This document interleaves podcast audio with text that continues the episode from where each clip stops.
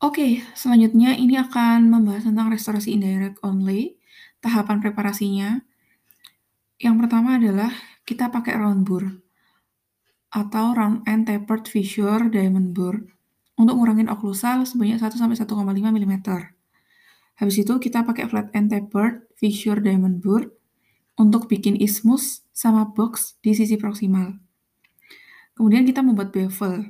Bevel yang pertama um, untuk di dinding eksternal, margin bukal dan lingual. Bevel yang kedua pada line angle. Bevel yang pertama di dinding eksternal margin bukal dan lingual menggunakan flame diamond bore. Bevel yang kedua di line angle menggunakan flame diamond bore juga. Kemudian, bevel yang ketiga ada di kavo surface enamel margin. Sama dengan flame diamond bore juga. Kemudian, kita menggunakan fine finishing diamond bore untuk menghaluskan hasil preparasi. Kemudian, kita melakukan irigasi. Um, kemudian, kita menggunakan cavity cleanser dengan menggunakan tip aplikator. Setelah itu, kita keringkan. Kemudian, kita membuat uh, modeling wax uh, membuat uh, modeling modeling wax, jadi itu tuh malam, malam model, kita gunakan buat battery cord atau catatan gigit. Karena only ini tuh dibuatnya di lab.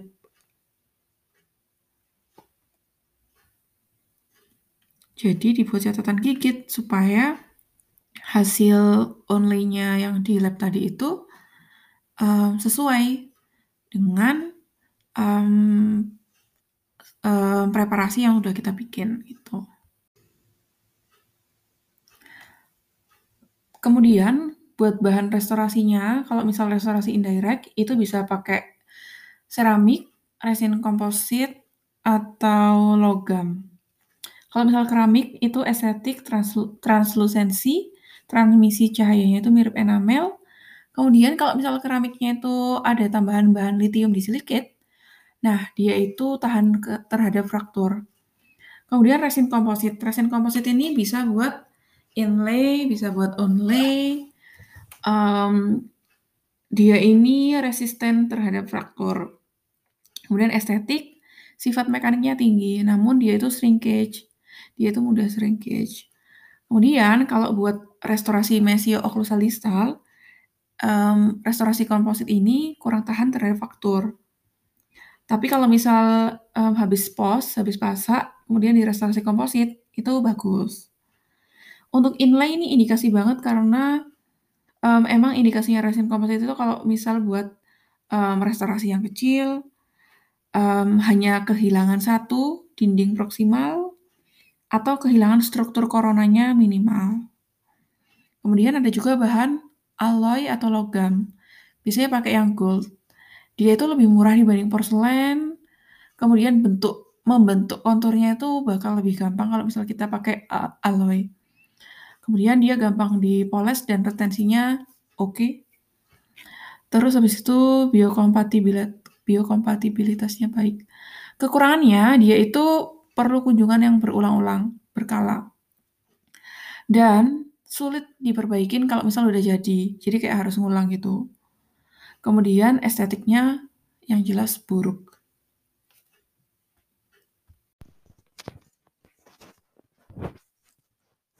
Nah, kali ini mau bahas tentang pulp capping. Jadi, pulp capping ini merupakan salah satu perawatan pada pulpa yang vital. Sebelum pulp capping, jadi perawatan pulpa vital itu ada tiga. Pulp capping, pulpotomi, sama regenerative pulp therapy. Untuk pulp capping sendiri dibagi jadi dua, ada indirect sama direct. Pertama kita bahas pulp capping indirect. Itu buat kasus pulpitis reversible. Jadi karies profunda, tapi nggak sampai melibatkan pulpa.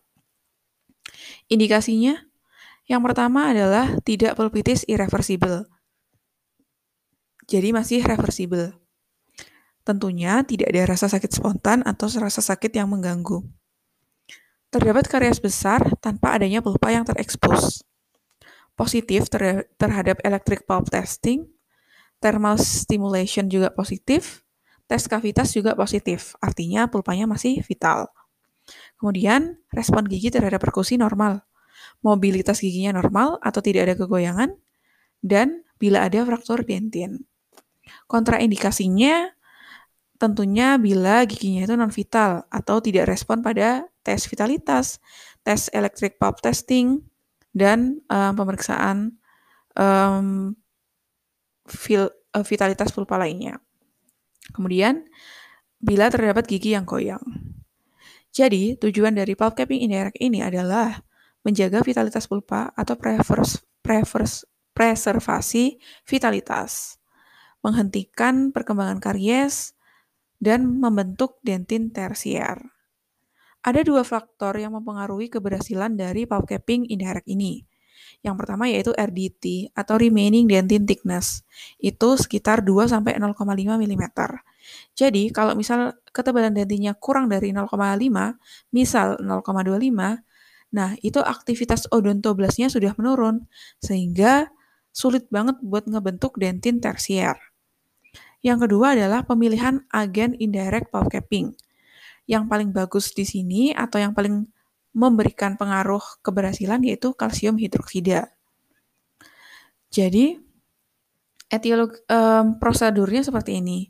Jadi setelah karies dihilangkan, kalau misal nggak ada pulp exposure, maka pulp capping indirect. Kalau misal ada pulp exposure, maka pulp capping direct. Pulp capping direct itu kalau pulp exposure-nya itu Um, karena mekanik, jadi bukan karena um, karies. Jadi kalau misal diagnosisnya masih pulpitis uh, reversible. Jadi pulpanya itu terekspos karena kesalahan operator atau karena pengangkatan dentin yang berlebih seperti itu. Oke, kembali lagi ke pulp capping yang indirect. Jadi setelah diketahui bahwa ada exposure pulpa, maka kita lakukan ekskavasi, kemudian menyisakan dentin yang tadi sekitar 0,5 sampai 2 mm. Kemudian kita tentunya kontrol perdarahan ya, bila ada perdarahan, kontrol perdarahannya bisa menggunakan NaOCl 6%, itu agen hemostasis yang baik. Kemudian kita isolasi, dan jangan lupa dipastikan ulang bahwa seluruh jaringan kariesnya itu udah terambil. Oke, kalau emang udah udah bersih, udah diisolasi, kemudian kita kasih kalsium hidroksida. Kalsium hidroksida dikasih, habis itu boleh dikasih basis. Basisnya bisa menggunakan GIC atau zinc fosfat. Kemudian um, kita tumpat dengan tumpatan sementara dan ditunggu 3 sampai 8 minggu. 3 sampai 8 minggu itu kita menunggu pembentukan dentin tersier. Kemudian kita kembali lagi meminta pasien untuk kembali lagi, dibongkar tempatan sementaranya. Sebelumnya juga ditanya kepada pasien, apakah ada keluhan, apakah ada gejala-gejala pulpitis irreversibel gitu. Kalau misalnya ada gejala pulpitis irreversibel, berarti perawatannya gagal. Kalau misal um, dites dengan menggunakan EPT masih vital, kemudian pasiennya nggak punya keluhan spontan, nggak ada gejala-gejala pulpitis irreversibel, um, itu berarti berhasil. Terus habis itu, um, kalau udah asimptomatik, baru diekskavasi, dikasih kalsium hidroksida, dikasih basis, GIC, terus habis itu direstorasi deh. Oh iya, perlu juga dievaluasi menggunakan foto, foto radiologi. Kalau emang udah terbentuk dentin tersier, berarti boleh di tempat sementara, boleh di tempat permanen. Terus habis itu, selanjutnya kita akan membahas tentang pulp capping yang direct. Jadi diagnosisnya juga sama, pulpitis. Oh, kalau misal pulp capping direct ini udah pulpitis irreversible. Awalnya pulpitis reversible, karena terekspos akhirnya jadi irreversible. Itu. Jadi um, pulpa terekspos tuh dibagi jadi tiga. Yang pertama tuh karena ukuran. Kalau misal ukurannya 0,5 sampai 1 mm, perawatannya pulp cupping direct. Kalau misal lebih dari 1, jadi 1 sampai 2, itu pulpectomy. Kemudian dilihat dari durasi exposure-nya. Kalau terekspos sampai 48 jam, itu pakai partial pulpotomy. Kalau misal tereksposnya udah lebih dari 48 jam, itu pulpectomy. Kemudian durasi hemorrhage atau perdarahannya. Kalau misal kurang dari 10 menit, direct pulp capping. Kalau misal lebih dari 10 menit, pulpotomy complete atau pulpok atau pulpectomy. Itu. Untuk indikasi dari pulp capping direct ini, yang jelas pulpanya masih vital, pulpa terbuka karena pengangkatan dentin yang berlebih, jadi terbukanya itu kecil banget. Jadi 0,5 mm. Tidak ada keluhan spontan, hemorrhage-nya dapat dikontrol kurang lebih 10 menit. Atraumatic exposure. Jadi pulpa terbuka itu karena suatu atraumatik. Exposure-nya bersih dan tidak terkontaminasi oleh bakteri atau karies dan darahnya itu tidak teraspirasi ke dentin. Kontraindikasinya, karies pulpitis irreversible. Jadi ingat lagi kalau misal pulp capping direct ini awalnya reversible karena pulpanya terekspos karena pengangkatan dentin yang berlebih, akhirnya irreversible.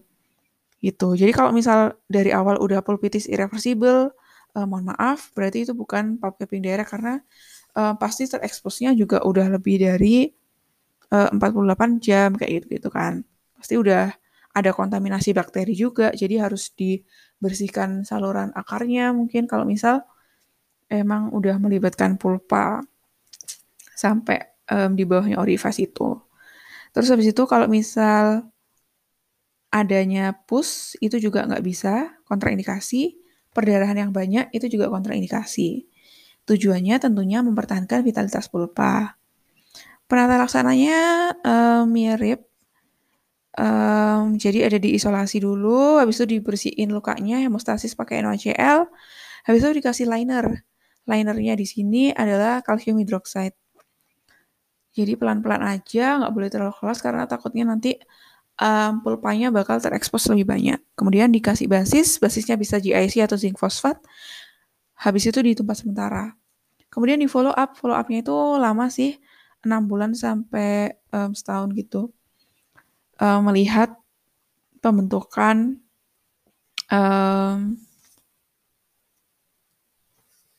pembentukan dentin, dentin tersier. Jadi indikatornya itu ada tiga.